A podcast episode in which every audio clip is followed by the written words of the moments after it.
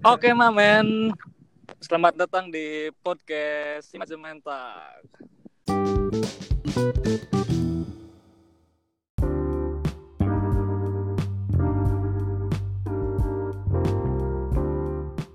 Uh, di sini ada saya sebagai host Nanang dan ada satu lagi teman kita yang menjadi host ada Ranida.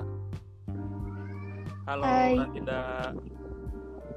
Jadi Halo. episode, di episode pertama kita kali ini kita kedatangan tamu nih.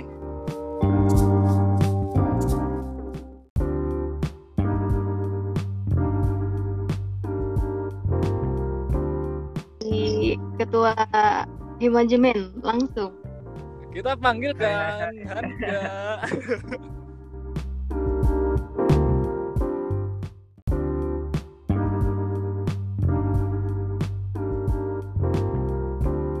Omen-omen eh, pendengar podcast Imajimen Talk. Ini episode perdana berarti ya? iya dong. Episode Iya pertama. perdana. Episode perdana. Kenalin nama saya Handika, biasa dipanggil Dika. Tahun ini kebetulan eh, menjabat sebagai ketua umum Imajimen. Oke, mantap, Bang. Kita mau bahas apa nih? Dan Bahas apa nih yang enak? apa tuh?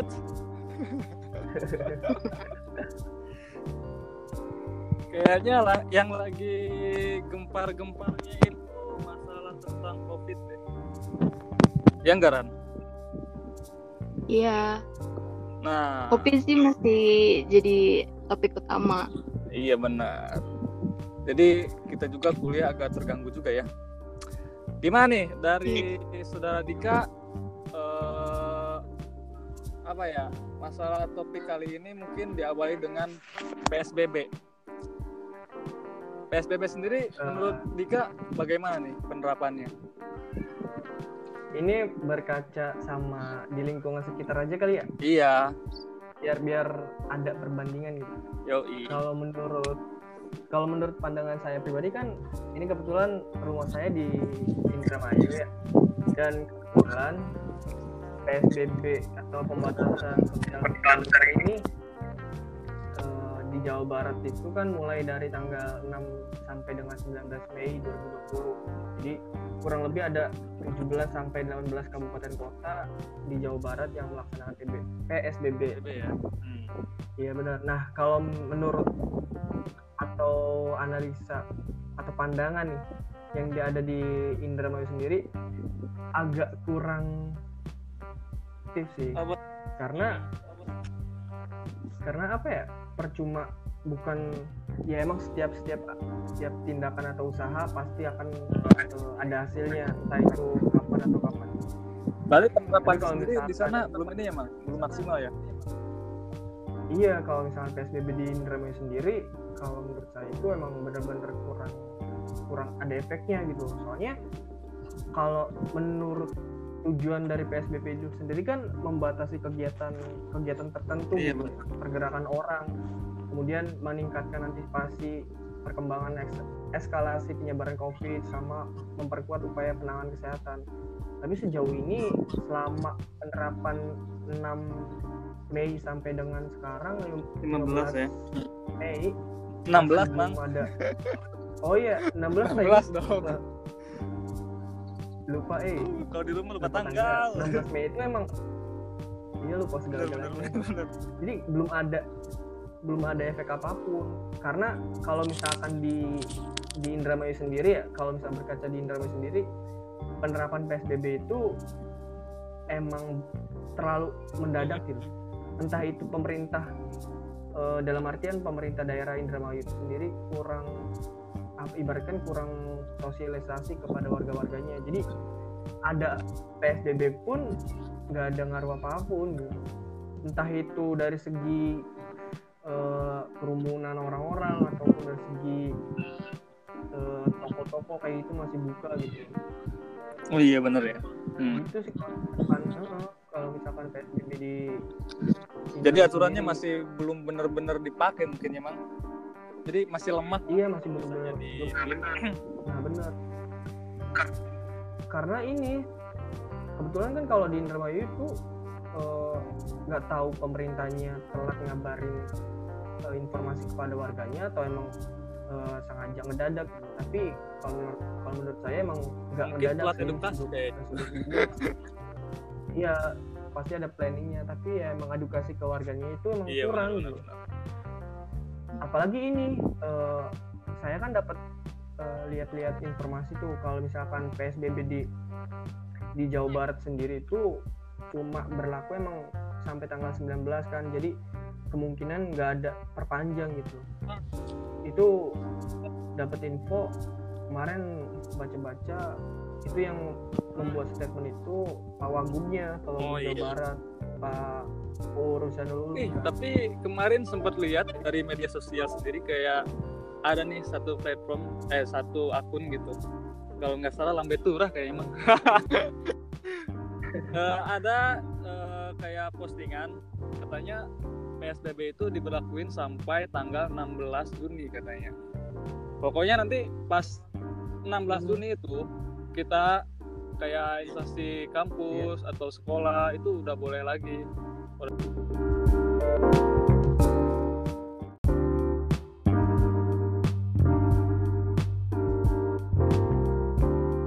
Boleh berkegiatan lagi gitu.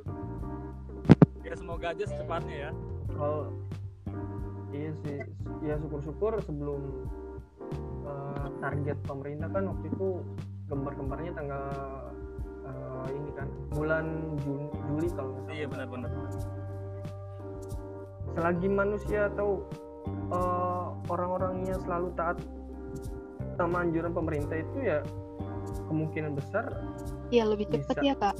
nurun gitu iya benar Soalnya kita kitanya sendiri sih yang susah diaturnya juga sih. Jadi adanya PSBB tuh kayak yang tetep tuh masyarakat tuh tetap keluar, tetap ya seperti biasa gitu.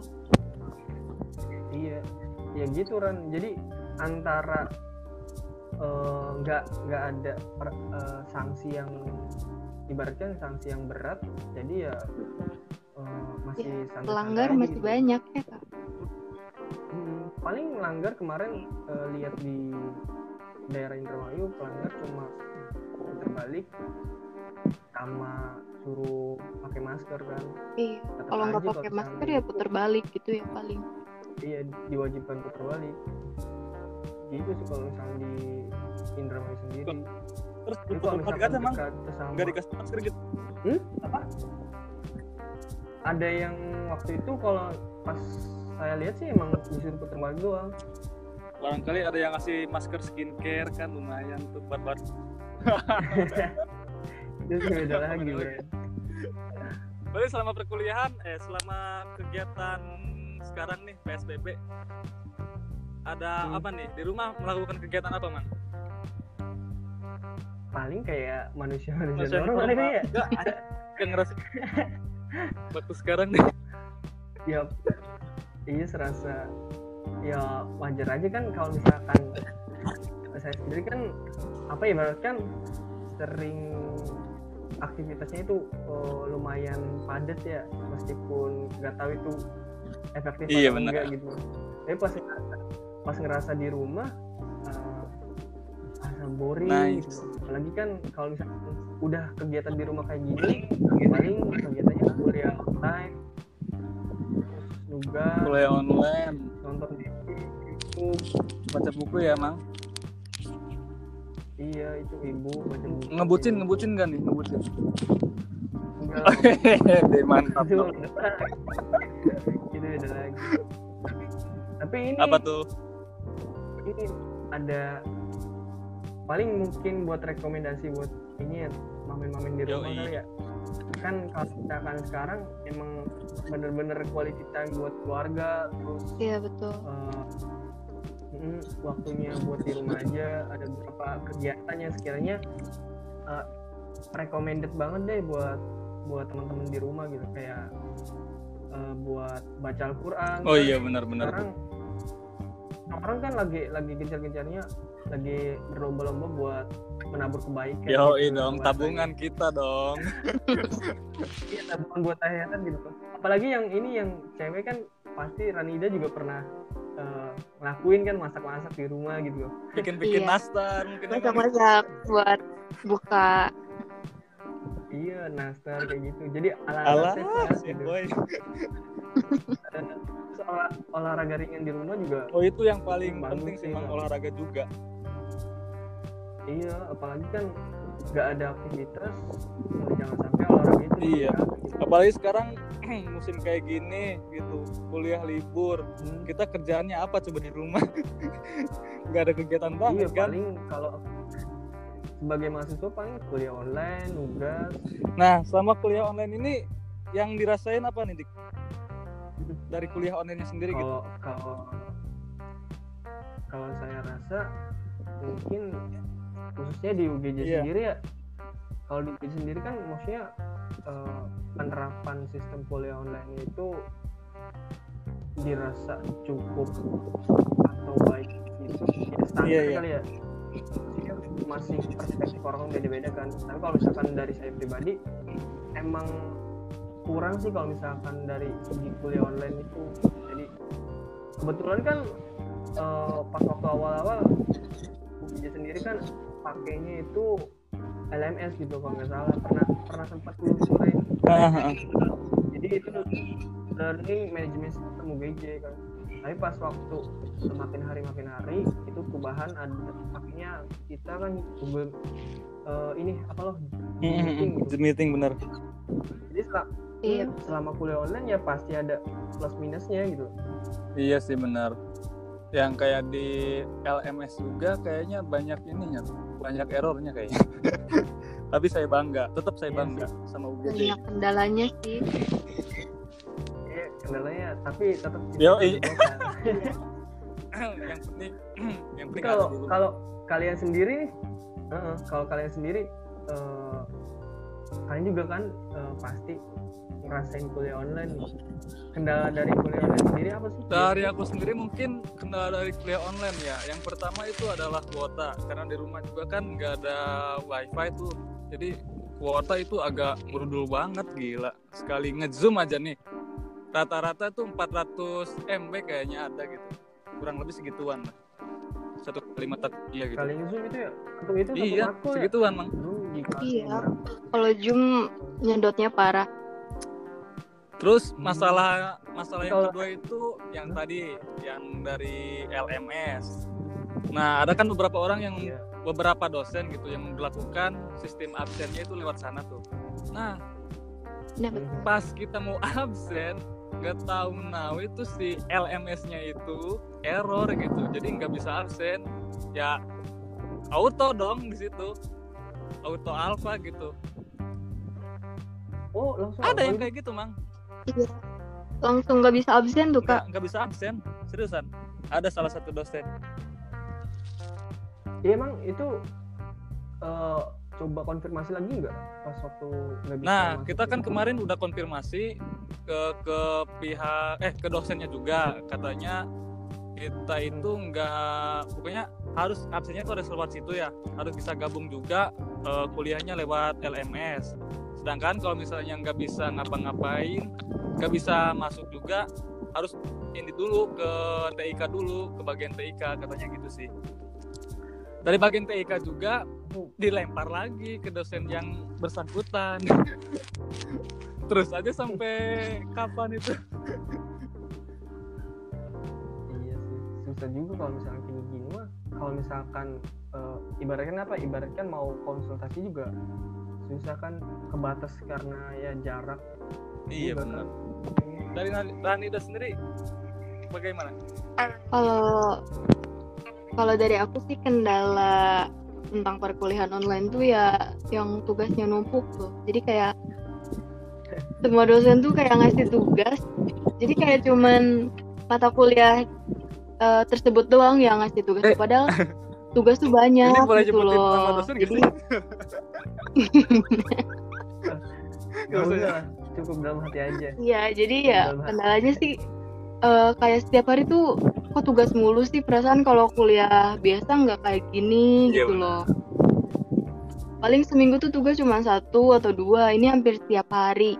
Udah mah apa sih?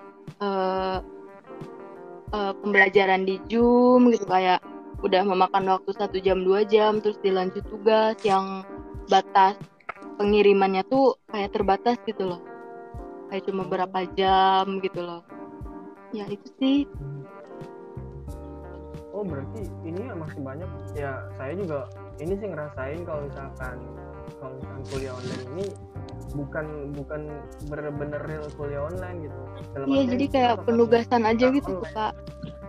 Eh, kebanyakan emang formalitas eh, tatap muka terus yang lainnya tugas Iya benar benar. benar. Terus apalagi ya pertanyaannya mungkin Eh, suka duka pasti Kuliah online. Ketika kuliah online ada apa nih?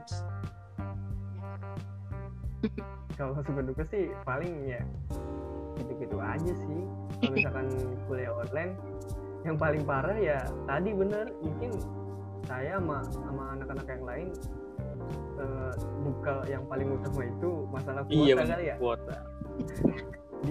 kuota emang emang ngaruh banget nih kalau misalkan udah Lebih boros ya, apalagi kan- oh bener lebih boros. Apalagi kan kita ibaratkan lagi krisis ibaratnya krisis Iya, benar. ekonomi kan. Iya masukan juga dari mana gitu loh Kalau nggak ada kuota nggak bisa ini ya, nggak bisa kuliah.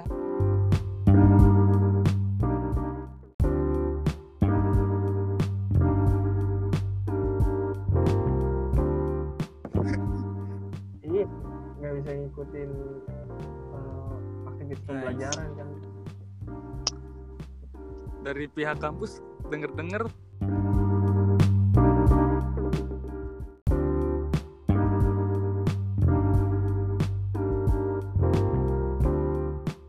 ada subsidi katanya.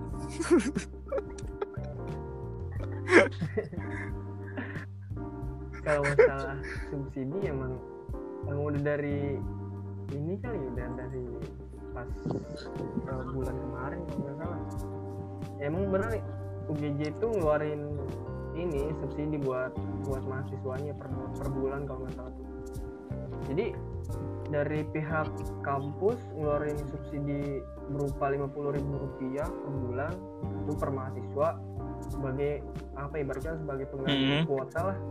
Dan yang yang aneh bukan aneh sih ibaratkan unik.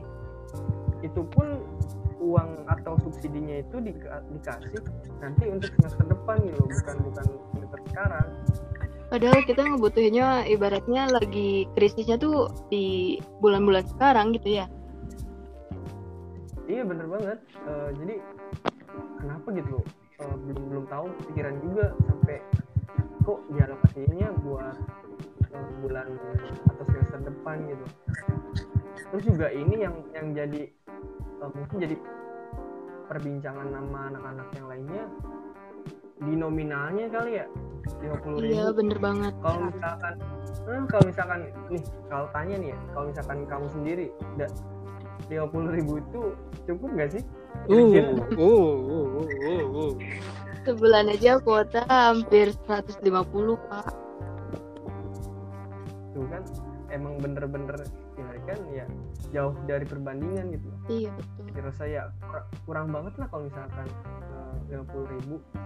Dan itu pun eh, dengar-dengar ya bukan dengar-dengar lagi sih emang udah ada eh, surat atau gugatan gitu dari dari mahasiswa kan kemarin nuntut tuh nuntut ada kenaikan subsidi ya diusahain lah buat jangan lima puluh ribu gitu per bulan kemarin tuh melalui eh, mahasiswa umum kemudian ngasih eh, ibaratnya ngasih apa ya keluh kesahnya ke Aspirasi ya. Ormawa Hmm. gitu loh ya bentuk bentuk aspirasi kayak gitu.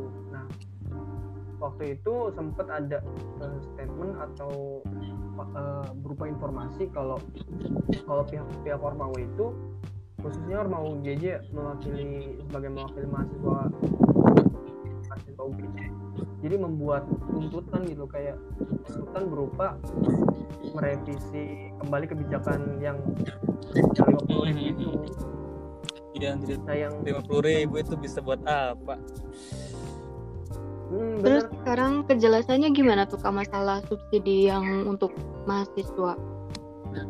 nah kalau misalkan kejelasan yang terbaru eh, masih masih yang kemarin kali ya belum ada info yang terbaru tapi berkaca sama info kemarin itu yang menuntut eh, subsidi 50.000 ribu kan dari dari ini dikasih dikasih 50 ribu. Nah kemudian Ormawa itu nuntut Ormawa UGJ nuntut berupa 110 ribu per bulan per mahasiswa.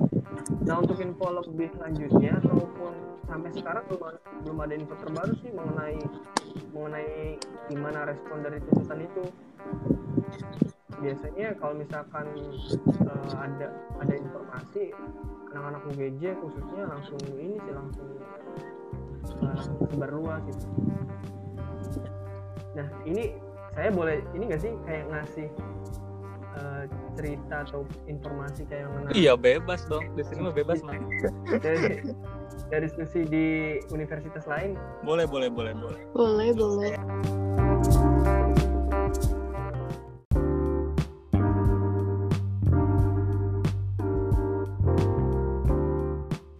tadi kan ini nyinggung mengenai kebijakan kampus ya Ya, kalau saya sendiri ini ada ada beberapa kampus yang sekiranya eh, memberikan eh, ibaratkan memberikan referensi eh, lah. apa sih bukan eh, namanya ke mahasiswanya tuh beban yang lebih Subsidi.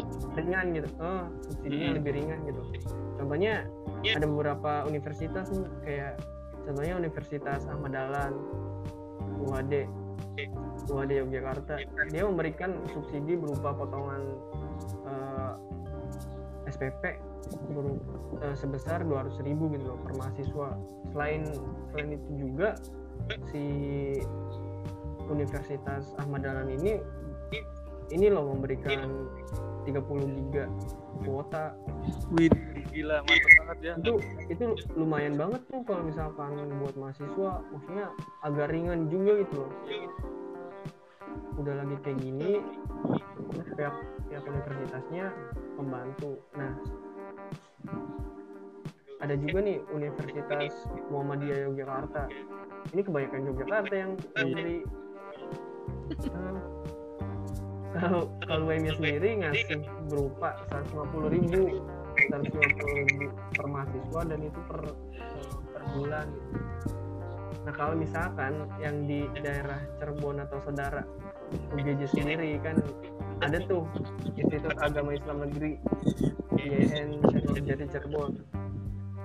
Kemarin tuh sempat baca artikel kalau ada pemotongan atau pemangkasan di uang kuliah tunggal atau UAT UKT tapi pas waktu kemarin eh, info-info terbaru itu info terupdate bahwasanya di salah satu media sosial pemotongan UKT itu nggak jadi alias dibatalkan gitu.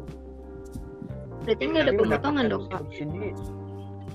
Oh nggak ada nggak ada pemotongan UKT kayak yang awal kan dia eh, IAIN ngasih statement kalau ada pemangkasan atau pemotongan UKT tapi informasi terupdate itu nggak jadi alias dibatalkan. Tapi masih ada ini loh namanya eh, mendapatkan subsidi berupa pulsa atau paket paket internet aja. Itu kalau misalkan kemarin di media sosial sih kayak gitu. Semoga aja UGJ bisa ya.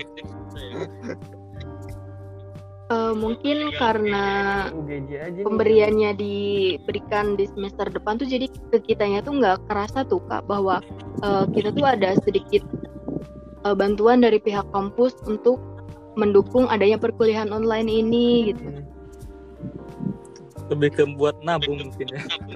iya sih Iya itu mah lebih ke kayak simpanan masa depan gitu loh. Waduh. Eh, ya lumayan juga sih kalau misalkan nominalnya segitu juga seenggaknya kan buat ngebantu meringankan Iya, beban orang tua lah istilahnya Iya. gitu. Dik, Dika kita- sendiri kan gimana? di HMDN menjabat sebagai ketua nih. Loncat dulu ya ini pertanyaannya. Gimana nih rasanya ngejalanin tugas di tengah wabah covid ini? kalau udah sering banget sih berarti kan orang-orang nanya eh, kalau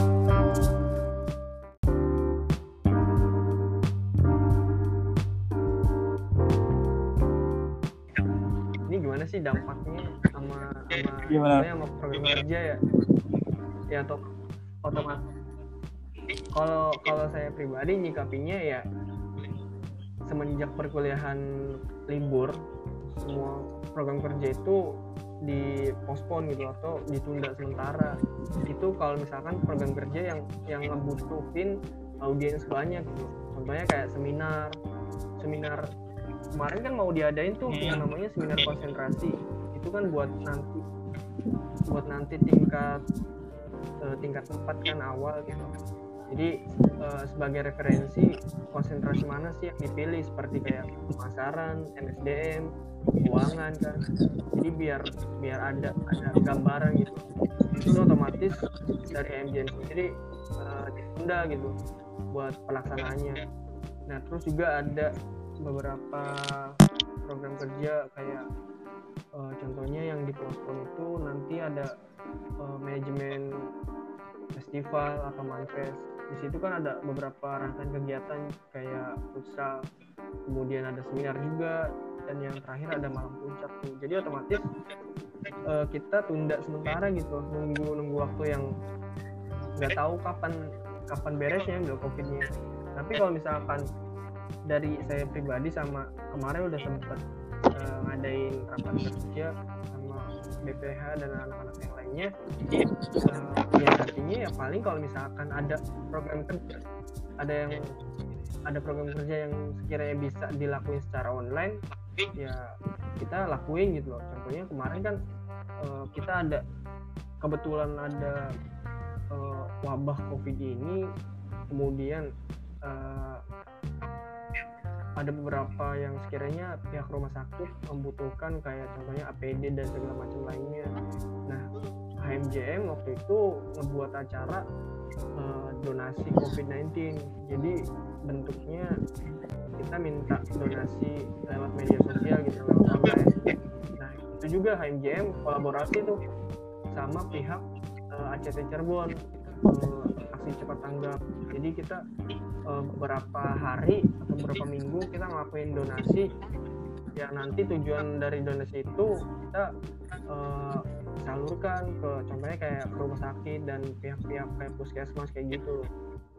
Kemudian ada eh, hal-hal yang kecil kayak misalkan bukan kecil sih maksudnya sekiranya bisa dilakukan secara online. Kayak misalkan diskusi online. Kemudian kayak dana usaha kita kita lemparin ke media sosial semua kayak gitu. Ya ngikutin aturan kampus aja sih kalau misalkan eh, dari HMJM sendiri. Terus juga kita eh, apa ya namanya bisa harus bisa ini loh.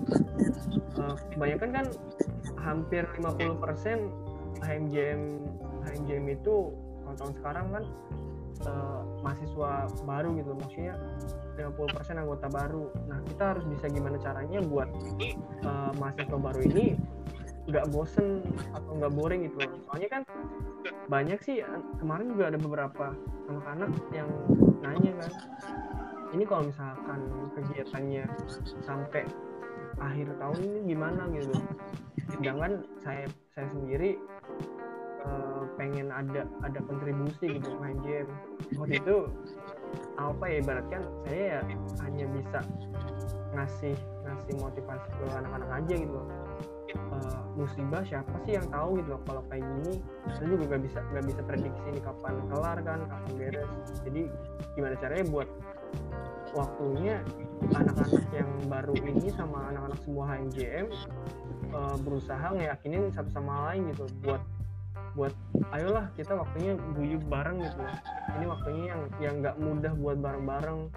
Eh, waktunya kita buat eh, social distancing. Meskipun social distancing uh, silaturahmi itu harus dijaga kayak harus bisa kontek-kontekan jarak jauh entah sekedar diskusi ataupun sekedar obrol-obrol biasa. Jadi biar silaturahmi itu terjaga gitu antara antara anggota MJS itu sih paling yang yang yang nanti atau yang bisa saya kasih gambaran kayak mungkin dari bukan HMJM sendiri kali ya yang ngelakuin pospon ataupun uh, ada beberapa program kerja yang di ditunda gitu. Kayaknya hampir semua orang gitu kayak gitu kali kebijakannya.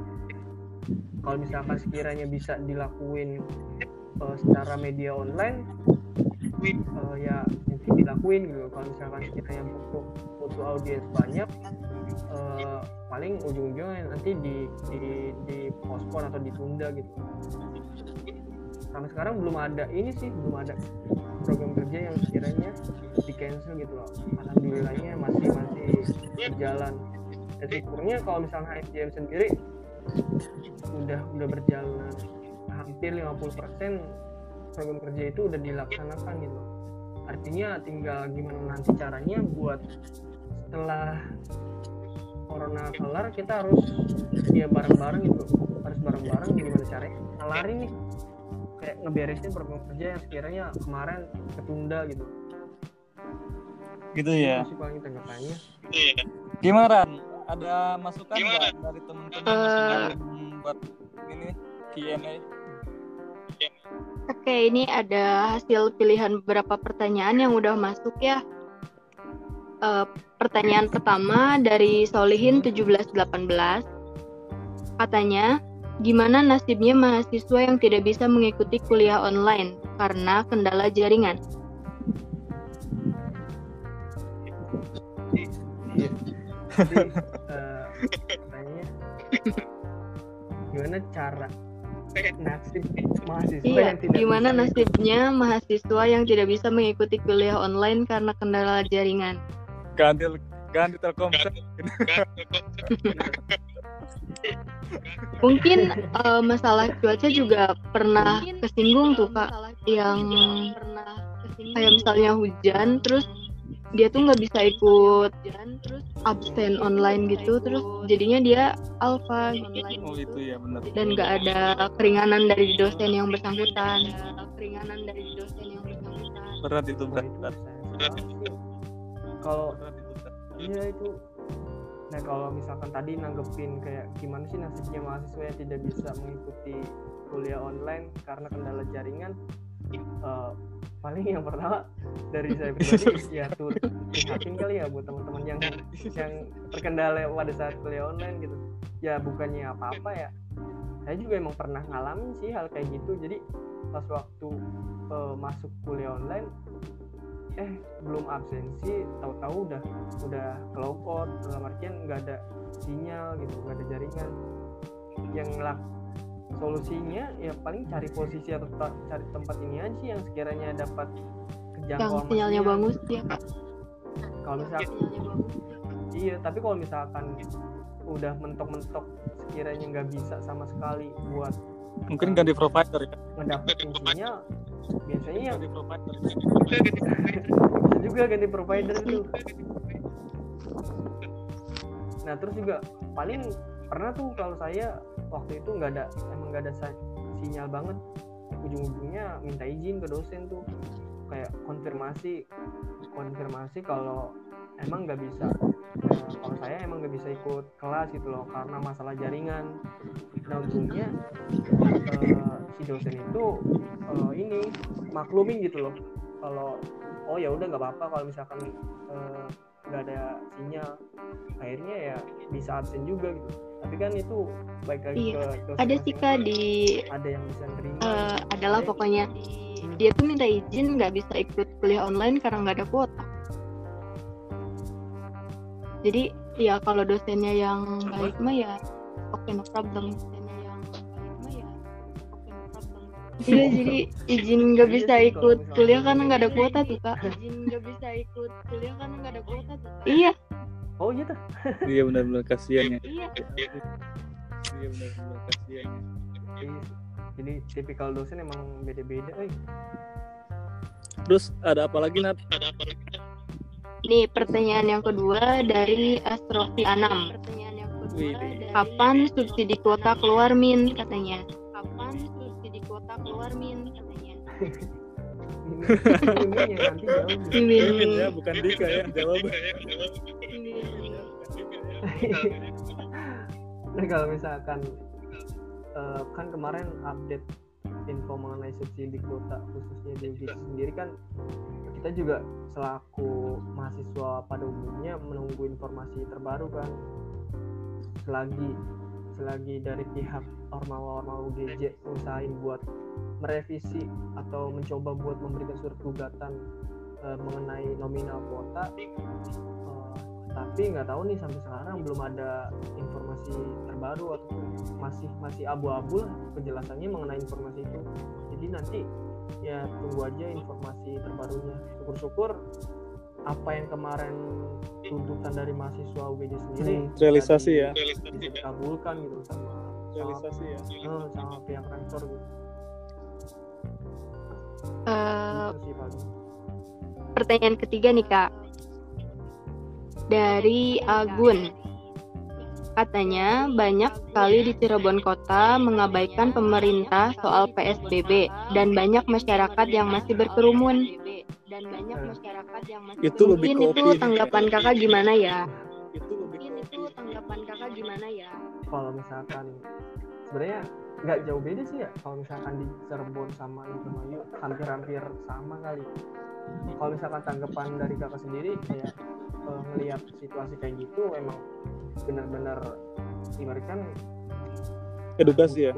iya entah itu butuh Edukasi ya. yang pertama entah itu butuh butuh edukasi sama emang bener harus harus tegas gitu dari, dari pemerintahnya jadi seakan-akan jangan cuma kita ngeluarin eh, peraturan PSBB tapi eh, sebelumnya nggak ada edukasi apa pun gitu. kemudian nggak ada nggak ada ketegasan dari dari pemerintah itu sendiri. Kalau misalkan emang sih kalau misalkan PSBB itu kan pembatasan sosial gitu.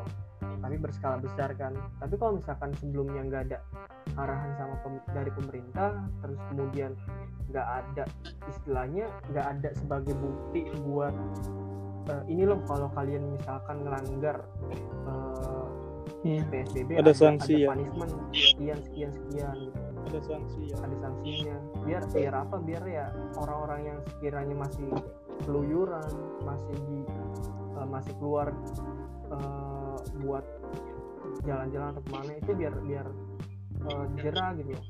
tapi dari sisi yang lain kalau misalkan contoh kan ada pedagang kaki lima tuh ya itu juga bisa menjadi apa ya saya eh, pikirannya tuh kayak oh kasihan juga gitu kalau misalkan ada beberapa usaha yang harus di, harus dibatasi gitu harus bahkan ada yang sampai ditutup tuh kan itu juga sebagai salah satu mata pencaharian.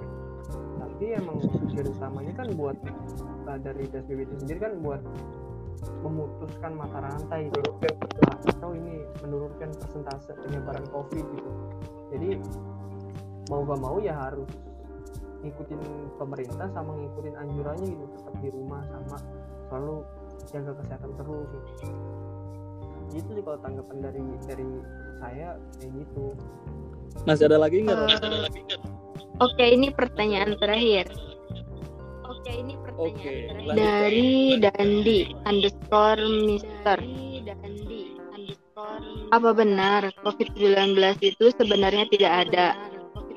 Apa benar yang ada itu exosum? Lalu COVID-19 itu nantinya seperti penyakit lainnya yang nggak bakal ditemukan obatnya seperti HIV, eh, AIDS, atau SARS. Masih Apa benar semuanya bagian dari konspirasi untuk mendepopulasi manusia? Aduh pertanyaannya berat. Berat ini berat berat. Ini berat. ini ini satu pertanyaan berapa ini ini pertanyaan yang emang ini sih krusial banget jadi eh, sorry sorry aja nih kalau misalkan pertanyaannya eh, agak-agak emang belum benar Yang jawabnya bukan ini ya. bener yang ahlinya sih harus bener Iya pakar betul. atau dokter yang jauh gitu jadi kalau misalkan sepengetahuan dari saya ya mungkin uh, benar atau enggaknya nanti urusan belakang yang penting buat coba ini aja sih kayak sharing-sharing ke teman-teman aja. Kayak tadi yang uh, yang pertama bener gak sih kalau misalkan covid iya sebenarnya nggak ada. nggak ada gitu? Jadi kalau kalau kalau menurut pandangan saya nih ya mengenai apa bener covid itu nggak ada kalau misalkan dibilang coronavirus itu nggak ada mungkin itu bahasanya kurang tepat atau kurang bener kali ya. Soalnya uh, virus ini kan termasuk virus kategori baru. Kenapa kalau uh, saya bisa bicara seperti ini? Karena emang seluruh dunia lagi ngerasain hal yang sama gitu. Contohnya kan permasalahan di seluruh dunia bahkan di Indonesia pun kan mengenai pandemi COVID-19 gitu. Kalau saya sendiri kan pernah tuh mendengar di media ataupun di komentar netizen bahwasanya kematian seseorang karena COVID-19 itu kecil persentasenya karena ada beberapa orang yang masih beranggapan kalau kematian orang itu atau kematian orang tersebut bisa saja karena penyakit bawaannya atau bukan karena COVID-19 tapi ada tuh statement yang yang membantah itu. Baik lagi kalau poin utamanya dari dari menurut dokter dokter Tirta. Beliau kan beliau sebagai influencer dokter dan juga relawan covid nah pernah tuh uh, maksudnya saya juga sering uh, ngedenger kan kayak konten-konten beliau gitu. Kalau misalkan nih uh, orang yang memiliki riwayat penyakit stroke contohnya terus penyakit jantung kemudian asma yang udah kronis pokoknya riwayat, riwayat penyakit yang berat apabila mereka tidak terpapar sama si covid ini kan kemungkinan hidupnya masih masih besar gitu harapannya. Masih bisa bertahan hidup tapi pas gara-gara si kena uh, coronavirus ini secara otomatis membuat orang-orang yang tadinya sakit berat itu masih bisa ditangani. Tapi ke, pas dia terpapar atau kena tambahan virus ini maka ngebuat semakin lemah tuh daya tahan tubuh mereka gitu. Jadi langsung ngedrop karena paparan virus ini gitu.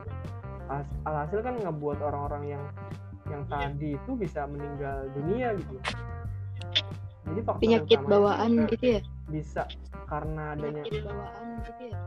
Iya faktor utama uh, ada penyakit bawaan dan juga faktor yang paling utamanya kan itu gara-gara si covid ngebuat ngebuat orang ini jadi persentase oh, iya, iya. itunya besar gitu. Coba kalau misalkan nggak ada jadi orang itu nggak ada nggak ada contoh ya orang itu kan punya penyakit kayak asma asma kronis bisa ditangani kan maksudnya masih bisa hidup gitu. Kemungkinan besar hidupnya besar gitu. pas dia kena si paparan covid ini ngebuat uh, ngebuat daya tahan tubuh yang orang kena kronis ini ya. makin ngedown gitu. Uh -uh, masih uh, langsung nggak bisa apa-apa. Jadi kan uh, yang penyakit berat ini nggak uh, memiliki daya tahan tubuh yang kuat gitu. Jadi akhirnya uh, nyawanya hilang gitu.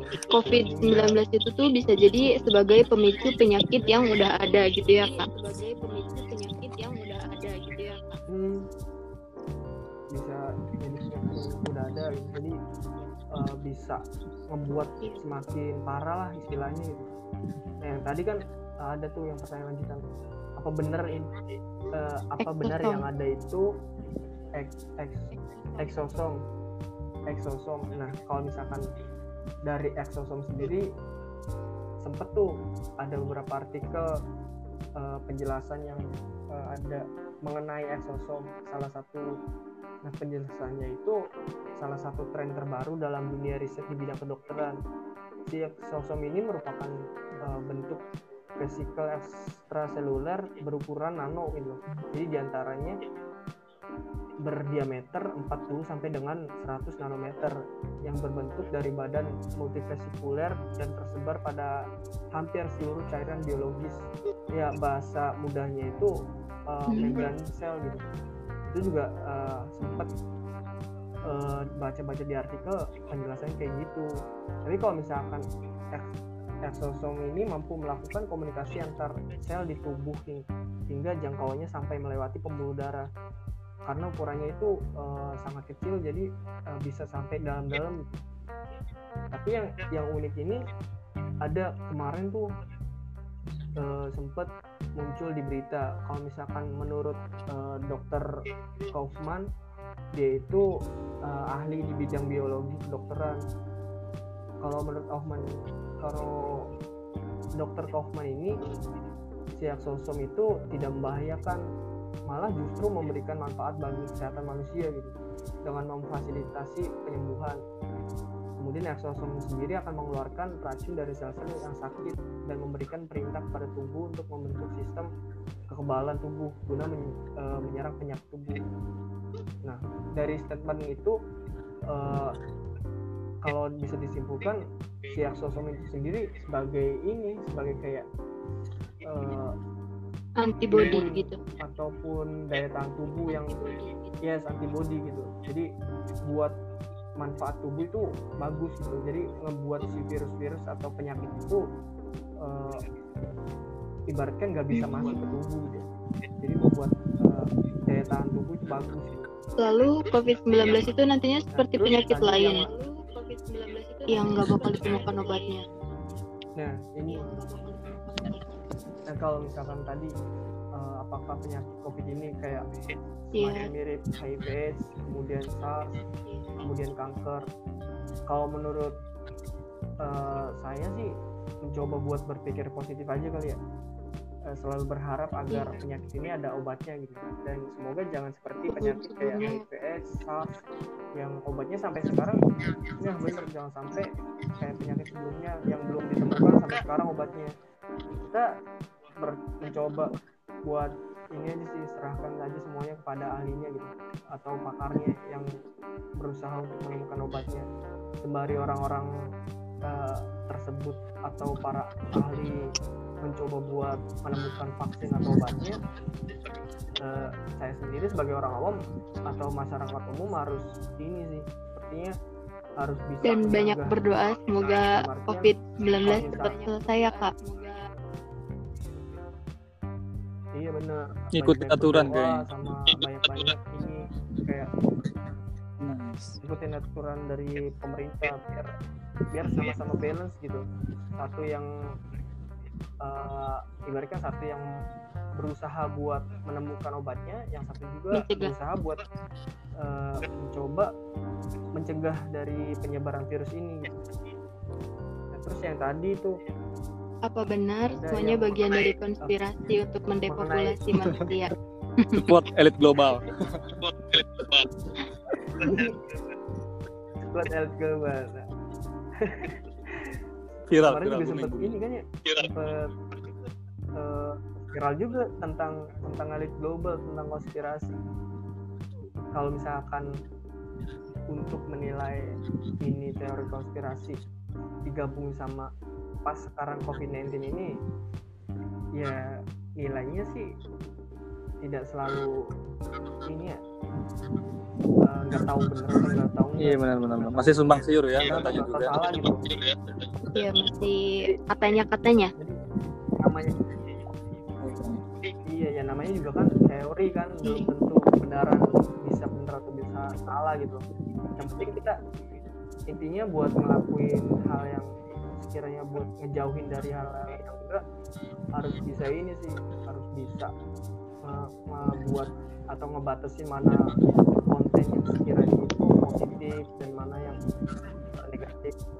Apalagi kan sekarang waktunya buat orang-orang itu mencoba buat mulihin diri diri sendiri. Dalam media itu sekarang ngasih informasi terus jadi seakan-akan uh, ini loh ketakutan seseorang. Takut terus baik itu yang banyak sih di media ini televisi kali ya. Jadi selalu informasiin tentang covid. Nah selain itu bisa di dihindarin. Kalau menurut saya sih uh, jangan terlalu ini ya itu kan kalau pribadi kalisir kayak berita-berita kayak gitu di televisi soalnya semakin kita mencoba untuk dan kita mendapatkan berita atau informasi tentang covid itu maka semakin uh, besar Iya, kekhawatiran gitu Jadi Farno ya. jadinya Hmm, jadi kepikiran parah. terus daya iya. tahan tubuh juga jadinya tuh Iya, menurun karena stres mungkin. Iya nah bener juga tuh kalau misalnya ini kan uh, kalau misalkan setahu saya tentang konspirasi itu sendiri kan pada dasarnya ibarat yang kata yang mudah dicerna itu mencocok-cocokkan hal uh, entah itu apa pun gitu loh. jadi kalau misalkan ada sesuatu yang janggal rumit, gitu ya kak yang janggal gitu apalagi di situasi kayak gini kan maksudnya situasi yang eh, nggak Iya, normal gitu. Supaya dapat mudah dipahami atau mudah diprediksi ibaratkan sesuatu apa pun yang rumit atau apa pun yang acak entah itu acaknya eh, amburadul samburadul-adulnya teori gitu supaya bisa dihubungi. Nah kadang kalau berita hoax juga Hmm. suka memperkeruh keadaan tuh kak iya benar apalagi kan tadi sih bener. Harus harus bisa meminimalisir berita-berita yang sekiranya itu eh, hoax apalagi situasinya kayak gini gitu. Harus bisa memfilter eh, berita. ngefilter memfilter berita gitu mana yang positif. Iya. Oke udah terjawab semua ya pertanyaan dari em, teman-teman Jadi mungkin terus cukup sekian kayaknya di episode kali ini.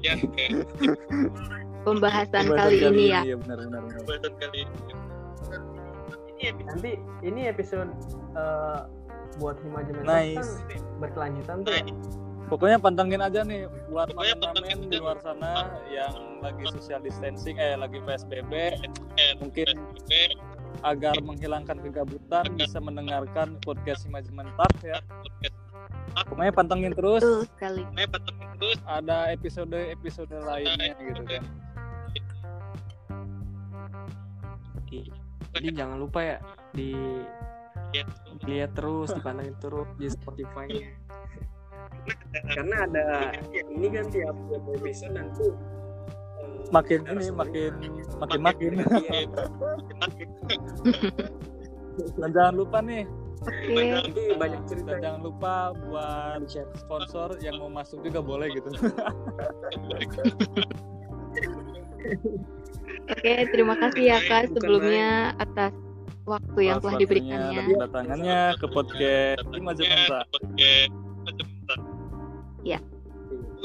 oh iya. Ini eh, mau sedikit beristighfar kalau misalkan tadi eh, saya kurang kurang bisa dicerna ataupun ada kata-kata yang sekiranya salah yang pengen eh, maafkan saya juga masih saling belajar ya kita sama-sama sharing sama-sama cari ilmu sama-sama cari pengetahuan baru Sama-sama mengisi waktu kegabutan.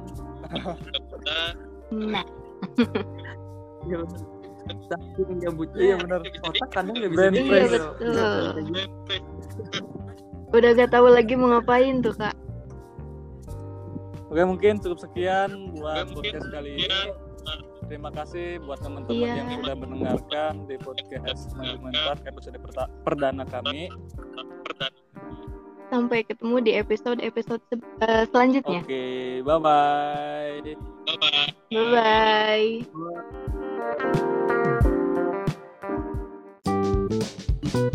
bye